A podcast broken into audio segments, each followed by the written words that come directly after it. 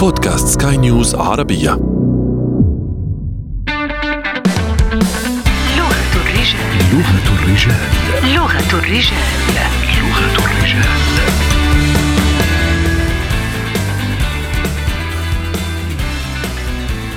أهلا بكم. أكثر الرجال مروا بهذه التجربة المريرة في حياتهم ولو مرة واحدة للأسف طبعا. فقدان العمل أو الوظيفة أو توقف مصدر الرزق لفترة ما. كابوس حقيقي للرجل. لكن ترى حينها ماذا يفعل؟ أنا أشرف فارس مضيفكم في هذه الحلقة من لغة الرجال حيث كما تعلمون طبعا نحن نترجم ما لا يقوله الرجال بألسنتهم. ومما قد يخفيه الرجل وأتحدث هنا عن الرجل بحق أنه يعتصره الألم ويتقطع من الداخل إذا توقف يوما ما عن العمل وعن توفير مصدر العيش لبيته حتى وإن لم يكن متزوجا بالمناسبة. فطرته الطبيعية أنه لن يترك دوره الطبيعي في الحياة إلا مرغما. وبغض النظر عن السبب إن كان ظرفا أو شخصا وراء ظرف ما لكن بجميع الأحوال أثبتت تجارب ضيوفنا أن البكاء على الحليب المسكوب لم يكن حلا يوما ولم يجد نفعا. فكيف وقع الرجال في هذا المطب من حياتهم وكيف خرجوا منه؟ أول ضيوفنا من البحرين. الدكتور وائل المهدي طبيب أسنان ناجح إن رأيته فهو شخص مثقف لأبعد الحدود يصعب أن تصدق أنه يوما ما لم يجد عملا. والله وقعت في مطب فقدان العمل عقب التخرج مباشرة. كانت فترة شوي فيها فضاوة إن صح التعبير من جميع النواحي. لكن آه، في الأثناء حاولت أشغل روحي أن أشوف بديل حق العمل وشيء منتج. طبعا الأسباب كانت آه، ربما الفرص مو دائما متوفرة وكذلك نوعية التخصص اللي أنا فيه مو سهل أن الواحد يشتغل مباشرة قبل التخرج. من البحرين نعود إلى الإمارات السيد محمود مصطفى من فلسطين. مهندس ويعمل في الميدان كل يوم. تراه في الموقع شامخا برأسه في قيظ الصيف وثابتا في برد الشتاء. هو الآخر لديه تجربة يرويها لنا. موضوع فقدان العمل موضوع صعب وحساس وبيمس قلوب معظم الرجال وعانيت شخصيا معه كتير آه، لأكثر من مرة بحكم طبيعة عملي كمهندس. كان الظرف دايما بيكون بسبب عدم توافر مشاريع جديدة في سوق العمل. هذا اللي بيجبر صاحب العمل على الاستغناء عن الموظفين كلهم اللي موجودين معه. الفترة في كل مرة عم تختلف حسب وضع سوق العمل. مرة كانت ثلاث شهور والمرة الثانية كانت لمدة شهرين. نذهب إلى المغرب الشقيق. التقينا بالسيد محمد التكانتي أو سيمو كما يسمونه. سيمو كان صحفيا واعلاميا محنكا. صوته صداحا في الميكروفونات قبل أن يتخذ مسارا مهنيا جديدا. فقداني للعمل في الإذاعة كان خارجا آه، حقيقة عن إرادتي ويرجع أساسا إلى مشاكل مادية وإدارية مرت بها المؤسسة التي اشتغلت فيها لمدة تزيد عن خمس سنوات. وعشقت العمل فيها واجتهدت ما استطعت في أن أطور نفسي وأقدم آه، خدمات آه، للمستمعين وللمتابعين. من المغرب سافرنا إلى رومانيا. السيد محمد خليل مهندس ويعمل في مجال الصيرفة. طبعا هذه الجملة ربما اختزلت في طياتها الكثير مما لم يقال. وكما يقولون الشيطان يكمن في التفاصيل. هو حديث منذ شجون هي لم تكن مرة واحدة وقعت في هذا المطب بل ثلاث مرات. مرتين في الأردن ومرة في رومانيا. والمرة التي كانت في رومانيا كانت قاسية جدا تجربة قاسية جدا. والسبب الرئيسي فيها هو تقصير مشترك جزء منه يقع علي وكان يعني نوع من ال- التكاسل في تدقيق على قسم المحاسبة في الشركة التي أعمل فيها أن بطاقة إقامتي قاربت على الانتهاء وقسم المحاسبة لم يقم بالوظيفة المطلوبة منه والتدقيق على أوراق الموظفين فيه وحسب القانون في رومانيا بمجرد انتهاء بطاقة العمل صلاحية بطاقة العمل يتم تعليق عقد العمل للحظة تجديد العقد. وتقريبا يعني هذه اللحظة كانت من أصعب اللحظات التي واجهتها في رومانيا خاصة في ظل الظرف الذي حصلت فيه والوقت الذي حصلت فيه. حسنا دعونا نتفق هنا أن هذا ليس شعورا سهلا ويمكن أن يوقع الرجل في براثن الإحباط خاصة بالنسبة لرجل بحق الذي يعرف معنى أن يتوقف عن أداء دوره الطبيعي في البيت ايا كانت مسؤولياته. الحمد لله ما كان في مسؤوليات جمع علي يعني الوالد آه، ما قصر معانا بس آه، طبعا المسؤولية كانت شخصية بمعنى آه، إن الواحد يبني نفسه ويستعد لإنشاء أسرة لا الحمد لله ما كنت ما وقع في ريسة اليأس كنت دائما نشيط حتى لو ما كان النشاط في مردود مالي ولكن على الأقل كنت نشيط. كنت أتطوع اجتماعيا آه، كنت أروح أفحص مرضى كجزء من برامج تطوعية وألتقي بالأصدقاء وأحاول قد ما أقدر أبتعد عن العادات السلبية. الفترة كانت متعبة إلى حد ما لكن ما كانت سيئة جدا أو سيئه للغاية. طبعا كل رجل فينا عنده مسؤوليات سواء كان زوج أو أخ أو ابن، أنا مسؤوليتي بأول مرة تعرضت فيها لفقدان العمل كانت خطيبتي وأهلي اللي مسؤولين مني ومتغرب عشانهم. بس تاني مرة كانت المسؤوليات أكبر وكان عندي بالإضافة للي كانوا بالأول طفلتين وكانوا موجودين بالمدرسة طبعا الشعور جدا صعب وخصوصا أول مرة بس بعد الصدمة الأولى الواحد بيرجع يلملم أفكاره سريعا وما بيستسلم وطبعا الفضل بهذا الأمر مش لإلي للأشخاص الإيجابيين اللي كانوا معي سواء كان زوجتي أصحابي أهلي. هم اللي ساعدوني وشجعوني واستمديت طاقتي منهم. والحمد لله رب العالمين الله وفقني بدعواتهم وتمكنت من الحصول على عمل أفضل من اللي كنت فيه والحمد لله على كل شيء. بكل صراحة فقدان الشغل حدث محزن ويجعل الإنسان يدخل في دوامة من الوساوس والظنون والتخوفات وذلك لأن الشغل قيمة مهمة في هذه الحياة وهو كرامة الإنسان. آه، كما عرف هو فعل الإنسان بالطبيعة لإنتاج قيم آه، جميلة وهو إكراه حيوي. لكن الحمد لله الإنسان المسلم دائما يسلم أمره لله تعالى فتنزل على قلبه السكينة.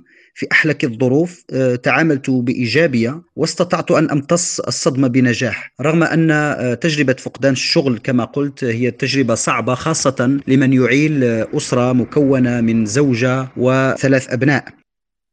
في اللحظة التي أخبرت فيها أنه تم تعليق عقد عملي وأنني لا أستطيع العمل شعرت كأن يعني صفعة شديدة تلقيت صفعة قوية جدا. أشعرت أن كل شيء انهار والسبب أن لم أكن مستعد في تلك اللحظة نهائيا. آه، أي مدخرات شخصية لم أكن أمتلك مدخرات شخصية. كل ما كان موجود من مدخرات تم إنفاقه نتيجة الظرف الصحي الذي ولادة زوجتي. آه، شعرت فعلا في بداية الأمر شعرت أنها نكسة آه، تصل إلى درجة النكبة. فكان الأمر بالنسبة لي صعب جدا جدا في تلك اللحظة.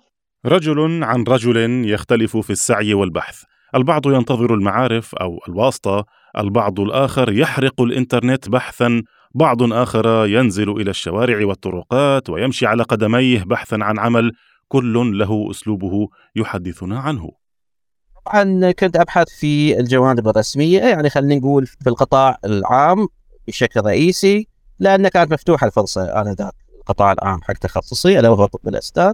في نفس الوقت استغليت الفرصة في الحصول على شهادة ال MBA شهادة آه، اللي هو ماجستير في الأعمال ماجستير business وكذلك عملت في في مجال آه، التدريب مجال التدريب المهني وتدريب الشركات موظفي الشركات. فاشتغلت في هذا المجال تقريبا لمدة آه، سنتين إلى ثلاث سنين عن طريق شهادة ال MBA ففي البداية طبعا كان في فترة من التعطل ولكن مع شهادة ال MBA ومع آه، الفرص اللي حصلت عليها كان في مجال إن أنا أشتغل وأكسب بعض المال.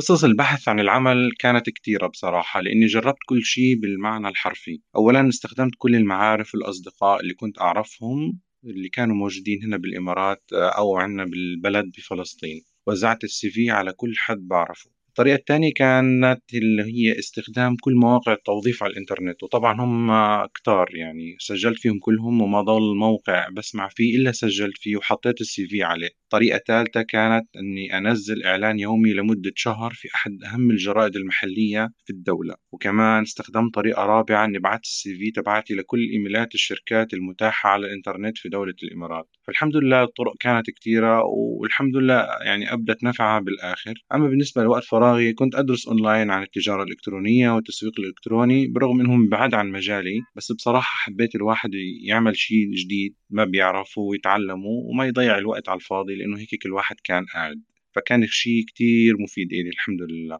بعد فقدان الشغل دخلت في مسلسل آه، من البحث عن بديل وهذا مهم جدا آه، يساعد على التخفيف من هول الصدمة. وجدت بدائل متعددة وكانت أمامي آه، يعني عدة اقتراحات وبدائل. كانت في البداية من نفس مهنتي الإعلام المكتوب الإلكتروني. واشتغلت كذلك بالتعليم استاذا لمادة الإذاعة بمعهد خاص. مررت بتجارب متعددة وأدمنت قرع الأبواب حتى فتح لي. كان ذلك يعني مفيدا جدا.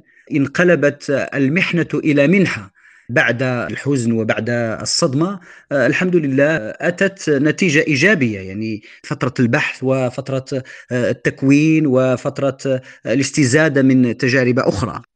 عملية البحث عن عمل لم تكن سهلة لأسباب هي أنا يعني معتاد على طريقة التقديم التوظيف التقليدي، دورة التوظيف التقليديه، أذهب بسيرتي الذاتية إلى الشركة التي أريد التوظيف فيها، أترك سيرتي الذاتية هناك، يتصل في صاحب العمل أو القسم المختص، بعد ذلك مقابلة، بعد ذلك فترة تجربة، بعد ذلك توظيف. هذه الدورة التقليدية، لم يسبق لي عملية التوظيف الإلكتروني لم أكن يعني معتاد عليها، لم تمر علي هذه التجربة، فبالتالي والنقطة التي يعني تزيد الأمر صعوبة أن لا يمكن التوظيف في رومانيا نظرا لمشكلة بطاقة الإقامة في ذلك الوقت، فالحل الوحيد كان بالنسبة لي هو العمل البحث عن وظيفة خارج رومانيا وأونلاين يعني عبر الشبكة عبر الإنترنت. فالوظائف كانت بحثت يعني حاولت أن أحدد ما هي المهارات التي أمتلكها هي اللغات ولدي خبرة في التسويق.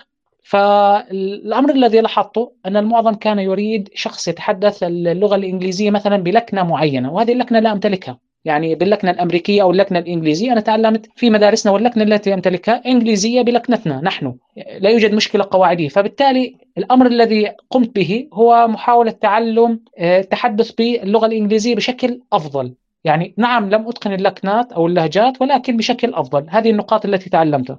هل تعلمون أن فترة التعطل عن العمل كانت سببا في نجاح الكثيرين؟ نعم كانت دافعا قويا لهم لإنشاء استثماراتهم الخاصة التي أعطتهم على الأقل الحرية المالية من تبعات الوظيفة وعدم الراحة مع بعض الأشخاص.